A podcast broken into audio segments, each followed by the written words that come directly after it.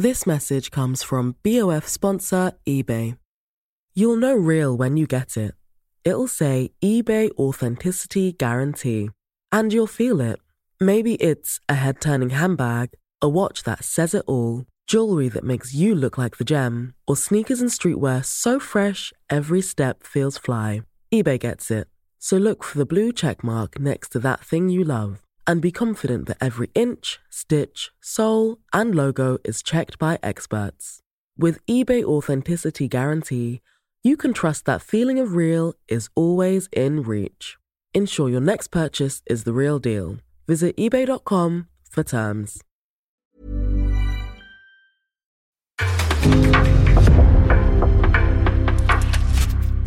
En podcast från Aftonbladet. Avsnittet presenteras av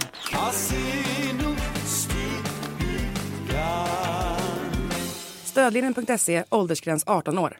Hej och välkomna till Kungligt. Jag heter Sara Eriksson. Och jag heter Jenny Alexandersson. Kritiken haglar mot prins William och frågan är vad som krävs för att den ska lägga sig. Och vi ska även prata om varför Meghan tagit av sig ringen. Och nu vet vi vilka kändisar som kommer vara med och gratta kungen när han firar sina 50 år på tronen.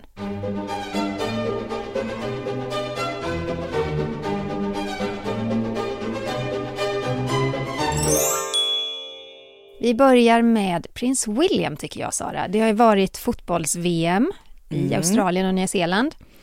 Och i helgen så avgjordes ju den här spännande finalen. England mötte Spanien. Såg du matchen? Det gjorde jag och eh, ja, det var ju nervigt, en riktig nagelbitare. Ja, men inte lika nervig som matchen mellan Sverige och USA. Den var ju fantastisk. Nej men jag, jag klarar knappt av att titta på sport på det här sättet. Jag kan liksom inte sitta still, det blir, det blir för jobbigt. Men eh, vilken insats och så kul med en medalj. Ja, det låter som att vi är en sportpodd. Det är vi inte. Men det är nämligen så att prins William var ju inte på plats i Sydney när finalen då spelades mellan England och Spanien. Ehm, det har han fått mycket kritik för. Ja, men det har han fått. För redan när det stod klart då att England gått till final så var det ju många som undrade och hoppades på att prins William skulle resa till Sydney och heja fram damerna. Men det gjorde han inte. Och eh, som du säger, redan innan matchen så såg man ju på kungahusets Instagramkonto hur kritiken faktiskt haglade in. Och den blev inte bättre då när det verkligen visade sig att han dök inte upp. Nej, och han är ju ändå hedersordförande för Engelska fotbollsförbundet. Eh, anledningen då till att han inte var där, det är då att William var på semester. Sen kunde man ju följa den här kritiken då på kommentarsfälten på sociala medier, speciellt då brittiska kungahusets Instagram. Det var ju inte nådigt. Nej, men då för att möta, det- möta då liksom, eh, det här så publicerade hovet en videohälsning från prinsen tillsammans med sin dotter prinsessan Charlotte. Jag tycker vi lyssnar lite på vad, på vad de sa. Lioness, just want to send you a huge good luck for tomorrow. We're sorry we can't be there in person, but we're so proud of everything you've achieved and the millions you've inspired here and around the world. So go out there tomorrow and really enjoy yourselves. Good luck, Lionesses. Ja, men här så förtydligar han ju då att han, han är ledsen att de inte är på plats, men att han är väldigt stolt över eh, allt som laget har åstadkommit och att de har inspirerat miljontals människor eh, här hemma och runt om i världen. Men folket var ju faktiskt trots den här videohälsningen inte särskilt nöjda på kungafamiljen och då framförallt prins William. Man, det är ju många som hävdar att det hade sett annorlunda ut om det varit herrarna som spelat final. Ja, för detta fotbollsmålvakten Peter Shilton uttryckte sitt missnöje då till GB News. Citat. Han borde inte ha semester när det pågår ett världsmästerskap. Bara titta på vad som håller på att hända. Han borde tagit första bästa plan dit när det stod klart att vi skulle spela final. Han borde visat sitt nylle. Eh, slutcitat. Och en del rapporteringar då kring att William stannar hemma, det handlar om, om det här kungliga protokollet. Att det på något vis skulle hindra William från att besöka Australien. För kung Charles han blev ju som sagt då statschef i, även i Australien efter drottning Elizabeths död. Han är ju statschef över en rad länder då i samväldet. Och I och med att han ännu inte har besökt då landet efter kröningen så, så skulle det då, då på något sätt betyda att William inte officiellt då kan besöka landet innan hans pappa gör det. Men det här låter ju ändå ganska så konstigt. Och jag menar ifall att prins William hade rest till Australien för att heja fram damerna, det hade ju inte sett som ett officiellt besök på det sättet. Eller det kan ju inte liknas med att hans pappa då skulle göra eller genomföra ett statsbesök i, i landet. Så att det här låter bara som någon lite så märklig ursäkt att man ville då ha lite tyngd i beslutet att han stannade kvar hemma. Ja, olika kungahus har ju olika regler för det här med både titlar och protokoll och annat. Men eh, nej, jag håller med dig Sara. Det låter, det låter som att, jag menar, han, han skulle kunna åka dit som ordförande för Engelska fotbollsförbundet och inget annat. Men någon som var på plats, det var ju drottning Letizia av Spanien med sin dotter Sofia. Mm, de var ju på plats för att heja fram damerna tillsammans och eh, Letizia och Sofia stod vid podiet och de skakade hand och kramade om spelarna både i det engelska och det spanska laget. Och eh, drottningen då, hon deltog sedan i den här när den här pokalen överlämnades och sen tog de en gruppbild tillsammans. Så där såg man ju verkligen en, en kunglig närvaro som såklart har, har hyllats och det blev då ännu tydligare just där att, att eh, prins William inte var på plats. Mm. Men då när man firade det spanska guldet så hände det ju någonting som blivit oerhört ifrågasatt och fått enorm uppmärksamhet över hela världen. För den span det spanska fotbollsförbundets ordförande, nu kommer jag säkert inte uttala hans namn rätt, men Luis Rubiales, eh, han gjorde någonting väldigt speciellt när han mm. stod på den här vippläktaren. Alltså han tog ett så här grabbatag av, ja men runt ballarna, ursäkta, när han stod då bredvid prinsessan Sofia under under liksom, eh, den här prisceremonin kan man väl säga. Jag såg det här klippet på, på Instagram och först uppmärksammade jag det inte för det går, det går rätt snabbt. Ja. Alltså. Eh, och, det, och det var uppe, det, det, klippet jag kollade på, det var uppe på hedersläktaren. Eh, och då ska han samtidigt då ha sagt eh, sug. Och det här har då fångats av tv-kamerorna i direktsändning. Så det, det är vid två tillfällen. Alltså vid prisceremonin och sen då där på VIP-läktaren. Och det var inte det enda han fick kritik för. Nej, för efter vinsten så tog han sig dessutom friheten att kyssa spelaren Jennifer Hermoso på munnen. Och eh, förbundsbasen Luis eh, ska ha avfärdat den här händelsen som något naturligt, vilket fick då Spaniens jämställdhetsminister Irene Mintero att slå tillbaka mot honom. Och eh, enligt Daily Mail då så säger hon citat att kyssa någon utan dennes samtycke är något som inte bara händer, slutcitat. Ja, och landets kultur och idrottsminister fördömde ju också det här beteendet och menar på att ja, men jag tycker det är oacceptabelt att kyssa en spelare på läpparna för att gratulera henne.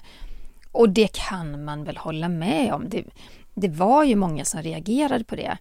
Och faktum är att efter kritiken då så ändrade förbundets ordförande sin åsikt. Och han säger då att ja, men jag gjorde ett misstag, det måste jag erkänna, jag måste be om ursäkt och lära av detta och förstå att när man är ordförande för ett viktigt förbund så måste man vara mer försiktig. Och det säger han då i ett eh, videoklipp som delades på jag lär mig aldrig, man säger ju X nu och inte ja, Twitter. Jag tycker att det är så förvirrande, men ja, eh, X då. X då. Men jag tänker, det här har ju fått jättestor medial uppmärksamhet och även det här som vi nyligen pratade om som hände då bredvid prinsessan Sofia. Men incidenten bredvid henne och det här med att han har tagit sig själv på, på bollarna under tiden, eh, det har inte han kommenterat eller sagt någonting om. Nej. Men det är ju väldigt många som, som höjer rösten gällande det, att även det är ett oacceptabelt beteende och att det är det oavsett om man står bredvid en kunglighet eller inte. Nej, men det känns också så medeltida idag att en, alltså oavsett vilken man eller kvinna som håller på så här, nej, har vi inte kommit längre. Nej, men jag tänkte på det just det här med då att eh, spanska drottningen och prinsessan Sofia närvarade vid matchen. Alltså det är ju, eller så här, hur viktigt är det egentligen att kungligheterna visar sitt engagemang och närvaro i den här typen av sammanhang? Nej men oerhört viktigt, speciellt när det är final i ett VM och det ser man ju bara på den här kritiken då som William fick i och med att han inte var på plats. Om England hade vunnit den här finalen, det är klart att det ger en extra krydda att han som blivande kung delar ut den här pokalen och de här priserna. Och dessutom hedersordförande ska ju ja, sägas. Ja, så är det ju. Men eh, jag menar ju, frågan är hur, hur svenska kungahuset hade gjort där om Sverige hade varit i final. Jag tror nästan att de hade skickat över någon på, på flyget. Tror du inte det? Ja men det tror jag och om man då ska jämföra det här, här i Sverige då så har ju ja, men kunga, kungahuset har ju skickat en hälsning ifrån kungen och drottningen. Kronprinsessfamiljen delade ju den här bilden på prinsessan Estelle och prins Oscar när de hade Sverige landslagströjorna på sig och, och gratulerade. Och sen såg vi också när, när landslaget landade här i Sverige hur de togs emot på Kungliga slottet och där tog då kronprinsessan Victoria, prins Carl Philip och eh, prinsessan Estelle och prins Oscar emot dem på, på slottet just för att Och hunden Rio var med. Jag glömmer inte hunden Rio, han var också med. Ja men just för att visa sin sin uppskattning och sitt engagemang. Så att det här är ju en, en viktig del i den kungliga rollen, även de här händelserna. Absolut, det, det håller jag med om.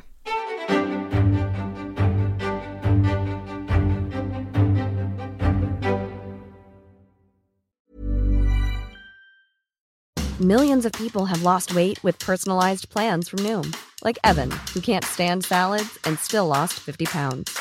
Salads, generally, for most people, are the easy button, right? For me, that wasn't an option. I never really was a salad guy. That's just not who I am. But Noom worked for me. Get your personalized plan today at Noom.com.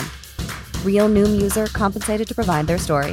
In four weeks, the typical Noom user can expect to lose one to two pounds per week. Individual results may vary. Vi går in på veckans Harry och Meghan.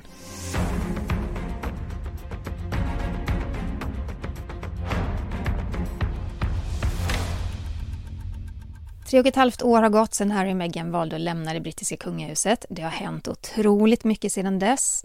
Inte minst i januari i år när Harrys självbiografi The Spare, eller den andra som den heter på svenska, släpptes.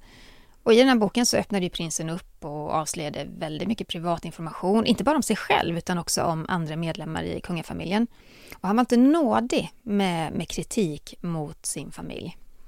Ja, men han skriver bland annat att hans eh, intressen offrats på drottning Camillas, eh, han kallar det för PR-altare. Och han anklagar Camilla för att ha planerat läckor hos eh, brittisk media, någonting som enligt honom ofta förekommit alltså inom kungafamiljen. Och Harry avslöjar även att han och prins William var emot att deras pappa då Charles skulle gifta om sig med Camilla. Och prins Harry berättade ju även i samband med den här boklanseringen så gjorde han ju faktiskt några intervjuer och tv-framträdanden. Och då bland annat för Anderson Cooper i 60 minutes för CBS så pratade han just om det att han inte hade skrivit eller avslöjat någonting i syfte för att då skada sin familj, utan tvärtom så hävdar han att hans främsta mål är att de ska återförenas och att han då samtidigt kräver att de ska ta sitt ansvar. Mm. Ja, men han sa ju bland annat om man ser till vissa familjemedlemmar och skvallerpressen så har vissa bestämt sig för att sälja sin själ till djävulen för att själva framstå som mycket bättre människor. Det är ganska hårda ord. Mm. Men sen boken släpptes så har ju inte Harry egentligen talat ut med familjen. För vid drottning Elisabeths begravning då gjorde Harry en blixtvisit och vid sin pappas kröning då, kung Charles, då åkte han ju direkt, nästan direkt efter att själva den officiella delen var över där. Han satte sig i en taxi och flög tillbaka till USA. Men nu kanske det finns en chans till återförening ändå. Mm. För efter månader då av spänningar inom familjen så sägs det faktiskt pågå en dialog mellan Sussexarna, alltså Harry och Meghan och Buckingham Palace. För enligt en källa till OK så kommer prinsen att flyga tillbaka till Kalifornien via London efter årets upplaga av Invictus Games som då hålls i Tyskland i september. Och enligt den här källan så planerar då kung Charles att träffa sin son den 17 september. Ja, han kommer återvända från Balmoral där han är just nu till London då i mitten av september.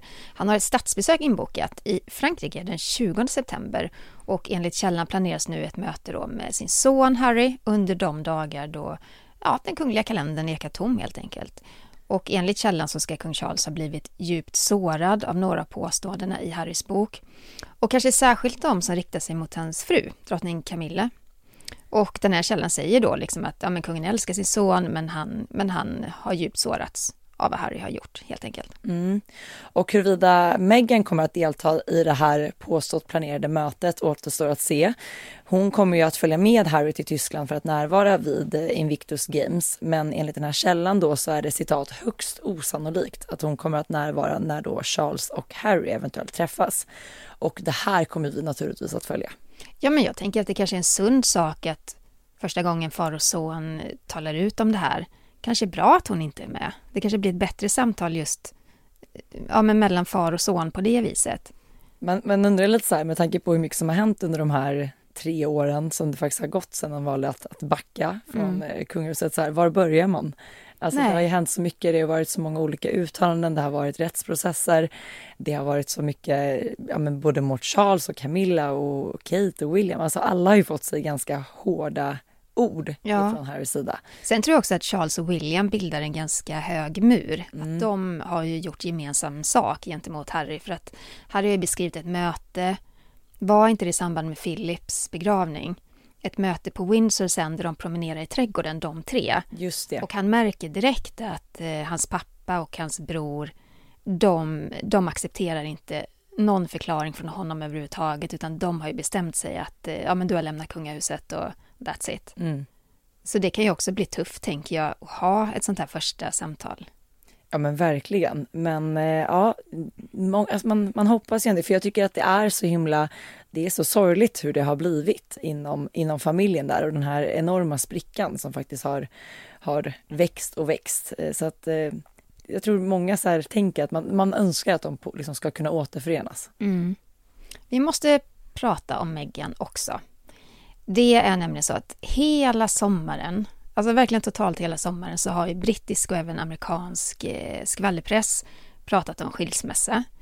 Det har ju surrat kring dem hela tiden. Ehm, det har ju skrivit mycket om att prinsen liksom haft en stående bokning på ett hotell i närheten av parets hus i Montecito. Att paret har separerat på prov, att de har grälat, att de är ovänner. Och som vi pratade om då i förra avsnittet så det är ju det är omöjligt att veta om det ligger någon sanning i de här ryktena eller inte. Men de har varit otroligt envisa och de här skriverierna dör liksom inte. Nej, och nu har de faktiskt blossat upp igen och ryktena har blivit ännu mer intensiva. Och det efter att, eh, efter att Meghan då sätts utan sin ring, sin förlovningsring. På en nytagen bild när Meghan träffar sina vänner Caddy Lee och eh, Cleo Wade på en restaurang så har de liksom tagit som en, ja, men en gruppbild tillsammans, någon form av selfie. Och då sitter Meghan i mitten och sen så håller hon om sina tjejkompisar. Och eh, det här, det vaksamma ögat, det kan ju då se om man zoomar in på Megans hand att hon tagit av sig den här ringen som då prinsen friade med 2017. Mm, det är ju ingen billig ring. Nej. Den, eh, var, alltså jag har sett olika uppskattningar men, men en uppskattning säger att den är upp till 2 miljoner kronor i värdering. Den består av tre diamanter. Den stora i mitten kommer från Botswana och det var dit paret åkte på sin första resa tillsammans. Eh, och de andra två diamanterna kommer från Dianas personliga samling så att den är ju den är otroligt värdefull. Men, men sen är det också, det kommer hela tiden, just nu är de här jätteintensiva skilsmässoryktena, det här med ringen har blivit jättestort. Men om man läser i vissa andra medier, som till exempel Page Six, eh, de har ju haft då en källa som står paret nära, det kanske är en vän, vad vet jag. Där står det då att anledningen till att Meghan tagit av sig ringen, det är för att hon eh, lämnat in den för att liksom göra små korrigeringar. Och den här källan dementerar även då rykten om skilsmässa och säger att nej men det, det är verkligen inte sant, det, är- det är verkligen påhittat. Så att man ska ta det här med en nypa salt på alla sätt och vis. Eller vad säger du Sara? Ja men verkligen, det är ju alltid viktigt att göra det. Men så här, dels då det här som har blossat upp kring den här ringen i kombination då med det vi precis pratade om att Harry och Charles då eventuellt har planerat in att träffas. Det är ju många som plussar ihop de här skilsmässoryktena med att nu Harry kan tänka sig att prata ut med sin pappa. Man, man läser mycket i brittisk press kring att så här, nu vill Harry återförenas med familjen när det börjar på att haverera på äktenskapsfronten. Så att de här två eh, händelserna har liksom bara gjort att den här bollen har rullat ännu snabbare och ryktena har liksom eskalerat ännu mer. Eh, men man får som alltid ta det med en nypa salt. Mm. Vi dröjer oss kvar i Storbritannien. Vi ska också prata om drottning Camilla. Vi får ju ofta frågor till podden och även i våra sociala kanaler gällande kungligheternas matvanor. Det är någonting speciellt med det. Det är många som tycker att det är väldigt, väldigt spännande. Vad gillar de att äta? Vad hatar de? Vad tål de inte? Och så vidare. Vi vet ju till exempel att prinsessan Sofia är vegetarian. Prinsessan Madeleine väljer bort rött kött. Och eh, jag tror att kronprinsessan hon är väl lite så laktosintolerant, är lite känslig mot det. Kate har berättat att hennes favorit är sushi. Mm. Mm, och nyligen då så avslöjade ju drottning Camilla vilken som är hennes favoritgrönsak. För drottningen besökte en skola i utkanten av London och då fick hon frågor då från två elever. Hon fick dels frågan ifall att hon odlar sin egen mat och sen fick hon också frågan då vilken som är hennes favoritgrönsak. Jag är inte så förvånad, för Camilla svarade då att de odlar ju alla sina egna grönsaker. Eh, man måste lägga till att kung Charles är extremt intresserad av odlingar och miljövård och eh, natur och sådär. Och har alltid varit. Alltså, Ja. Det är verkligen hans största intresse. Och där kan vi se lite likheter med vår kung här i Sverige. Att han har ju själv sagt att skulle han inte varit kung så hade han velat bli lantbrukare. Och det är lite samma känsla man får av, av kung Charles, att han är så otroligt intresserad av det. Ja, det är klart att de har så här odlingsland. Absolut. Eh, men i alla fall, Camilla svarar då att hennes favoritgrönsak är bondbönor. Hon säger då att om man tar dem direkt från, från deras baljor så är de goda och riktigt söta. Jag håller med. Ja, vi, min svärmor hon eh, odlar ju eh, massa grönsaker och eh, hon hade odlat såna här bondbönor nu i somras. Det är sjukt, man kan äta dem som godis. Ja men det är så gott. När jag var liten så hade också farmor det på, på landet och man gick verkligen åt det som, som godis. Det är Ja. riktigt sånt där barndomsminne. Och eh, det berättar ju även drottning Camilla att hon och hennes fem barnbarn också älskar de här då. Hon berättar hur hon tar med sig barnbarnen ut i trädgården och att de tillsammans då kan spendera timmar där och bara äta tillsammans. så att, ja men då har vi ytterligare en grej att addera på den här listan kring vad vi vet om vad kungligheterna älskar när det kommer till mat. Mm. Vi tar oss en tur till Sverige tycker jag, för vi måste ju prata om kungen och det jubileet som närmar sig. Och nu vet vi lite mer i detalj hur kungens jubileumshelg kommer att se ut. Det är ju mellan den 15 och 16 september, så det är ju några veckor kvar. Men man har nu gått ut med mer info. Han har egentligen firat under hela året, men nu blir det ju den stora grand finale helt enkelt. Mm, och det blir väl ändå två intensiva dagar för, för kungen. Ja, men nästan ännu mer. Ja, Det startar ju tidigt, eller hur? just det. Redan den 13 och 14 september så startar firandet och då kommer organisationer och företag att gratta kungen vid två olika mottaganden då på Kungliga slottet. Och man kommer då även att kunna lämna över gåvor om man, om man vill det. Ja, och sen på kvällen den 14, då bjuds kungen och hans familj på en jubileumsföreställning på Drottningholms eh, slottsteater. Salongen kommer fyllas med gäster, men vem som står på scenen, det är hemligt än så länge. Det har jag inte lyckats få fram. Spännande. Ja, Och sen då på fredagen den 15 september så håller man Tedeum i Slottskyrkan och det är ju en sån eh, tacksägelsegudstjänst och eh, det är mycket vanligt att man inleder stora kungliga händelser med en sådan gudstjänst ja så blir det högvaktsavlösning på Yttre Borggården. Och där ska det tydligen också ske någon slags eh, sångarhyllning. Och där kan jag tänka mig att det, där kommer nog en stor del av allmänheten eh, stå och titta. Där kommer man ju lite närmare kungen och familjen. Mm. Och säkert också att vi kan räkna med då att eh, familjen kommer att ta plats på den här nybyggda balkongen som man faktiskt har skapat där på Borggården som är mycket större än eh, tidigare har man nästintill bara sett dem liksom från ett fönster. Eh, utan nu har man då byggt en balkong så nu kommer vi nog se kungafamiljen på plats där. När var det det var premiär för den? Var det när kungen fyllde Jag tror att det var när Nej. kungen fyllde år tidigare i år. Ja, det var det, va? Ja, Ja. det tror jag. Eh, så att där kan vi nog räkna med att se kungafamiljen på plats. Mm. Och sen då på kvällen så bjuds ju kungliga gäster, släktingar, vänner och representanter för det officiella Sverige på en jubileumsbankett. Och den kommer att hållas i rikssalen på Kungliga slottet. Och eh, det kommer ju såklart att bli både högtidligt och väldigt pampigt. Jag fattar att de väljer den lokalen. Där står ju också den här, eh, vad säger man, krönings... Silvertronen. Silvertronen, ja. Så att det är väldigt passande då. Symboliskt. Och på lördag den 16 september då inleder kungafamiljen eftermiddagen med en kortege genom Stockholm med häst och kungaparet kommer ju då även att åka med den här vackra kungaslupen, Vasaorden, över vattnet, jag tror det är från Skeppsholmen, och sen till Logårdstrappan. Och för er som är intresserade, den här kortegen med vagn startar halv tre och eh, sen är man tillbaka då vid slottet vid fyra tiden.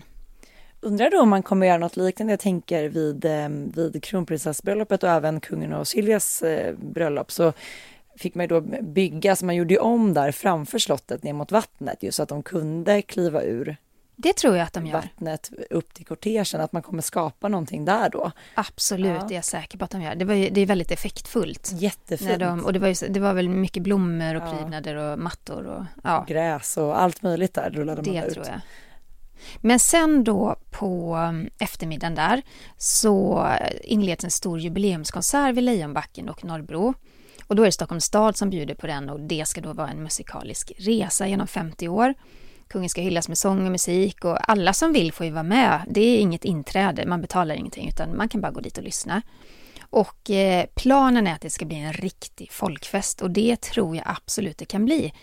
Nu i helgen var det en kulturfestival just där vid Gustav Adolfs torg och Norrbro. Jättemycket folk. Mm. Så jag kan tänka mig, då även vid det här jubileet så tror jag att det, kom, det kommer dra människor. Ja, jag kommer ihåg då när, när kungen firade 40 år på tronen så gjorde man ju något liknande fast mycket mindre Mm. eh, på samma plats, eller det var mot slottet där på, på bron. Ja. Eh, och det var också så här, jag och mamma var där, det var verkligen en folkfest, man kunde köpa lite mat längs vägen, alltså det, man hade verkligen gjort det som en stor, ja men händelse, det var jättemycket folk, man kan komma dit och lyssna en stund eller njuta av hela konserten, alltså det är jättetrevligt upplägg. Ja, alltså mat och dryck kommer finnas från klockan två här vid Norrbro och det Mm. området också. Så det är nog typ samma upplägg jag tänker mig. Konferenser då på, på den här musikaliska resan, det är Sinat eh, Pirzadeh. Och eh, artisterna ackompanjeras av Johan Landqvist Orkester. Det kommer att inledas med en jubileumsmarsch. Den lyssnade jag faktiskt på när den hade premiär. På, Den här nya, Ja, på Kungliga slottet. Jag var med i, det, det var nog också i rikssalen tror jag, när Mm. de spelade upp den för kungen första gången. Eh, det är arméns musikkår i alla fall som, som leder den. Visst var det, förlåt att jag avbryter dig, visst Ja. var det i samband med att man då inledde det här jubileumsåret med Sverigemiddagen? Ja, Det var då man då också framförde den här för första gången. ja det var det. Ja, det var, den är väldigt eh, effektfull. ja. Man ska sjunga kungsången och man ska då utbringa en skål.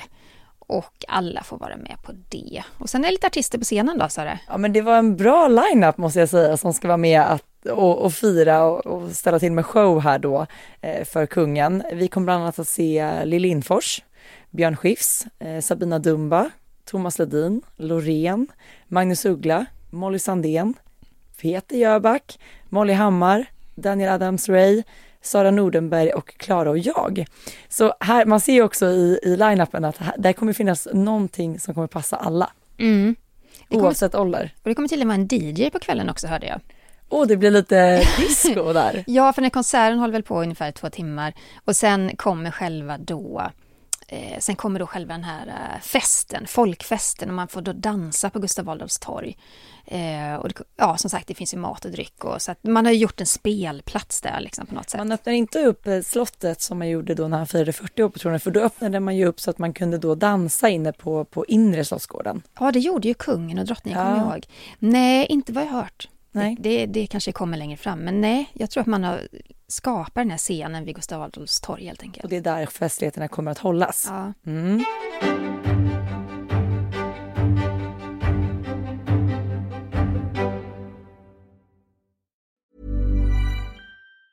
Tired of ads barging into your favorite news podcasts?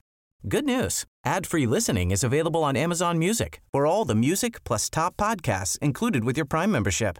Stay up to date on everything newsworthy by downloading the Amazon Music app for free or go to amazon.com slash news ad free. That's amazon.com slash news ad free to catch up on the latest episodes without the ads. På tal om något mycket mer allvarligt. ehm, jag tror inte någon har missat det att eh, Ukrainas president Volodymyr Zelensky har varit i Sverige. Nej, men det gick ju väldigt snabbt det där. Jag satt ju på redaktionen då när, när allt det här hände för att plötsligt då så skrev eh, Zelensky på telegram att han var på väg till Sverige. Och det visade sig då att statsminister Ulf Kristersson hade bjudit in honom och även hans fru då, Lena Zelenska, till Sverige.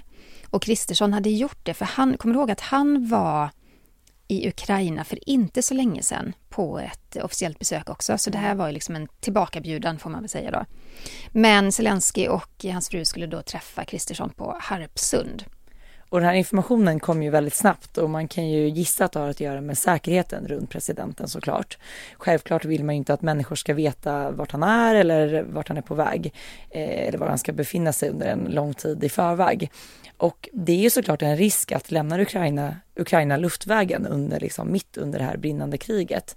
Men alla stora medieredaktioner skickade då reportrar och fotografer till Harpsund när man då fick det här beskedet om att presidenten var här. Mm. Och jag hade ju kollegor också som var på plats då vid Harpsund. Och det var ju faktiskt första gången som Zelensky var här på officiellt besök. Och eh, ja, presidentparet träffade statsministern men även partiledarna och flera ministrar. Det handlade ju mycket om stödpaket till Ukraina såklart.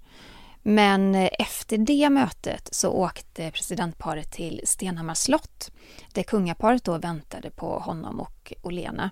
Och jag följde lite den här bevakningen för Aftonbladets reporter berättade då att det stod ju väldigt många människor på vägen upp mot slottet och troligtvis en hel del ukrainare också för det var många som då hade viftat med ukrainska flaggor. En del var klädda i kamouflagekläder precis så som Zelensky själv brukar vara klädd. Det såg man ju även på det här mötet mm. att han klär ju inte upp sig i kostym utan han står ju i de här militärbrallorna och ofta den här gröna t-shirten. Mm. Också som någon slags symbol på att han befinner sig i krig. Mm. Och jag tycker att han, det är väldigt smart gjort av honom för att det, det är en stark symbol tycker jag. En Verkligen. signal på att eh, det sker något slags undantag där liksom. Verkligen. Och, och efter att eh, de då hade besökt eh, kungaparet på Stenhammars slott så kördes de ju under ett stort eh, säkerhetspådrag i en kortege till Skavsta flygplats där då ett av Sveriges regeringsplan väntade. Mm. För han fortsatte ju faktiskt till Danmark där han träffade Danmarks statsminister men även då drottning Margrethe, Fredrik och Mary. Och det var ganska fint. Jag vet inte om några av er som lyssnar har sett de här bilderna på presenten som Zelensky fick. Men det var en ganska ovanlig och fin gåva av drottningen, för det var nämligen en tavla som hon har målat själv med titeln Livets träd. Och den målade hon då på 90-talet på Marselisborgs slott. Det var väldigt fint. Ja, jag tycker det är fint. Hon är ju mm. väldigt duktig på att måla, drottning Margrethe. Ja, men verkligen. Mm. Ja, men det här var ju såklart ett eh, väldigt viktigt besök och man har sett att ja, men många har engagerat sig i det här besöket också. Det har man sett på sociala medier inte minst, där både svenska kungahuset och danska kungahuset har, har delat mycket bilder från besöket. Eh, apropå det här med kommentarer och eh, engagemang, ni som lyssnar är ju helt eh, fenomenala på att engagera er i våran podd och skicka in lyssnarfrågor. Fortsätt jättegärna att göra det och det är ni till kungligt aftonbladet.se. Mm. Eh, vi får mycket spännande frågor. Eh, här kommer en fråga från Anna. Eh, ni har tidigare nämnt att Storbritanniens drottning Elisabeth var med och beslutade hur hennes begravning och hur dagarna efter hennes död skulle se ut. Och jag undrar, när tar man upp en sån sak med en monark? Gör man det så fort den äldre monarken har dött och en ny blivit tillsatt? Om William skulle bli kung när han är yngre än Charles, hur snart börjar man planera en begravning? Och hur, har man liksom rutiner för övriga kungamedlemmars begravningar oavsett ålder? Ja, det är en lång fråga. Men eh, frågan är också, finns det rutiner för vad som händer när Sveriges kung dör? Jag tror att man tar upp det här med begravning och planering när det finns ett bra läge. Eh, antagligen inte direkt efter, eller när någon då har tillträtt tronen, för då arbetar man ju så himla intensivt med planeringen kring hur ja men, det nya regentstyret ska se ut och nyckelpersoner kring monarken och eh, man genomför då de här förändringarna som regenten vill ha. Tänker nu framförallt på kung Charles till exempel. Eh, man har såklart en mall att gå efter och många av momenten i en statsbegravning är ju obligatoriska och man använder sig av de erfarenheter som finns då från tidigare begravningar. Och önskemålen handlar ju om andra saker som musik och gäster etc. Eh, men det är klart just det här med att, att planera en sån sak, det är ju oerhört känsligt och måste vara så himla eh, speciellt mm. Eh, att sitta och bestämma sådana grejer när man inte alls tänker att man är där ännu. Ja, jag kommer ihåg när prinsessan Lilian skulle begravas. Då mm, pratade jag med hovet mycket kring det och planering och så vidare. Och då vet jag att ett av svaren också jag fick var att men det finns, man har genomfört begravningar så många gånger inom kung, kungahuset att det finns liksom en, en rå kopia. Mm. Man, man, kan bara liksom eh, addera in det som familjen önskar kring begravningen. Eh, det finns en sån rutin kring detta. Det är inte så att det i Sverige är det inte så ofta som kungligheter har dött nu senaste tiden, men, men alltså det, även om även en statsbegravning för 20, 30, 40 år sedan går att använda Idag, ja. sig av. Ja.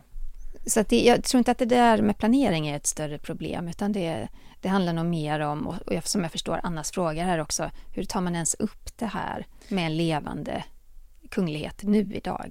Och apropå det här att ta upp, jag, jag har för mig att jag säger rätt nu, nu har det varit en hel del filmer och dokumentärer om vår kung under året, men jag tror att det är från filmen som bara heter Rätt av kungen, eh, där då kronprinsessan Victoria får frågan just gällande det här den dagen du ska ta över efter din pappa. Eh, för den dagen kungen inte längre är med oss så blir drott- eller kronprinsessan Victoria drottning av Sverige. Mm. Och man märker ju då att kronprinsessan Alltså att det är jobbigt för henne att tänka på just för att så här, hon får hela tiden frågan om landets framtida drottning. Men för henne betyder det då att, att hennes pappa inte finns mer och det är någonting hon också säger och att hon bekräftar då att det är någonting som vi inte pratar så mycket om. Mm. Just av anledningar som, som Anna skriver, att det är ju väldigt känsligt och jobbigt. Mm. Vi har fått en fråga från Josefin som undrar, vad händer om Victoria, Carl Philip och Madeleine alla tre är gifta men Carl Philip eller Madeleine får barn före Victoria? Får barnet stå först i tronföljden även fast föräldern inte är det? Eller måste de göra abort? Mm. Nej, men så här ser tronföljden ut. Victoria är ju första syskonen, sen Carl Philip och sen Madeleine. Om Madeleine är, är den som får barn först av syskonen så hamnar de ju direkt efter henne i tronföljden. Om Carl Philip får barn först så hamnar, så hamnar ju hans barn direkt efter honom. Då får det som följd att Madeleine puttas neråt. Men Nej, ingen tvingas göra abort. Det, det är inte så att äldsta barnet måste få barn först och det är inte ens så att äldsta barnet måste gifta sig först utan där är lite lösa tyglar. Sånt där går ju inte att styra eh, när barn kommer och så vidare. Men, eh, men man kan se det som så att eh, ett barn kan putta ner ett syskon ifrån tronföljden. Så är det. Just det. Här kommer en fråga ifrån My. Jag undrar vilken titel drottning Camilla kommer få ifall kung Charles dör först. Hon kan ju inte kallas drottningmodern. Och blir Kate automatiskt drottning av England när William blir kung? Tack för en underbar podd. Tack själv My. Tack själv My. Eh, nej, Camilla blir ju inte drottningmoder för att hon är ju faktiskt inte mamma till någon drottning. Eh, om man då jämför med drottning Elisabeths mamma till exempel som titulerades som drottningmodern. Eh, och inte heller till någon kung. Så jag skulle tro att hon blir då eh, enkedrottning helt enkelt. Och gällande då Kate så kommer nog att processen att se likadan ut som för drottning Camilla nu. Att eh, Kate kommer att krönas till drottning den dagen som eh, prins William kröns till kung. Vi har fått en fråga ifrån Isak som skriver så här. Jag älskar er podd och är, det är en av veckans höjdpunkter. Tack Isak. Tack, vad glada vi blir. Jag har en fråga angående prins Christian. Jag läste i Kvällsposten att han har börjat dejta prinsessa Ma- Maria Chiara de Bourbon. Stämmer detta? Det här har man läst mycket om under sommaren. De två fångades på bild tillsammans i våras. Jag tror det var på ett Formel 1-lopp i Monaco. Men nej, det verkar inte som att de har något förhållande. De verkar bara vara kompisar. Och italienska tidningen eh, Corriere della Sera, förlåt om jag uttalar fel, frågade Maria Chiara om prinsen och hon tonade verkligen ner ryktena. Hon förklarade att ja, men de har känt varandra väldigt länge och hon sa bland annat så här. Vi har känt varandra sedan vi var små. Min pappa Carlo är gudfar till Christians lilla syster Josefin. Och när reportern då frågar om det är en speciell vänskap så svarar hon Ja, med Christian så kommer jag bra överens. Det är en underbar vänskap. Vi har väldigt roligt tillsammans. Han är sportig, han älskar att löpträna och spela tennis och han vet när han måste ha disciplin. Han och hans familj är väldigt öppna. Det känns mer som att de umgås ju i ett gäng kompisar. De har känt varandra väldigt länge. Det hade varit jättekul om de var ett par. Vem vet? Vem vet, det kanske blir så. Men, Ja. men hon vill i alla fall tona ner det här. Det känns inte som att eh, Och, och det här är ju liksom ingenting man har hört om tidigare utan det var just den här bilden som Ja. fick då de här ryktena att, att börja eskalera. Men eh, ja, det verkar som att de faktiskt bara är vänner. Ja. Tack snälla för alla frågor som ni skickar in. Är ni, vill ni ha svar på någonting? Mejla kungligt att aftonbladet.se. Vill ni ha lite mer eh, regelbundna kungliga nyheter? Följ oss på so- sociala medier. Var finns du Sara? På Instagram hittar man mig på royalistan.se och var hittar man dig Jenny? Ja, men främst på Instagram också. Eh, kungligt med Jenny heter jag. Ja. Tack för att ni har lyssnat på veckans avsnitt. Vi hörs igen nästa vecka. Tack, tack. Hej då! Hej då!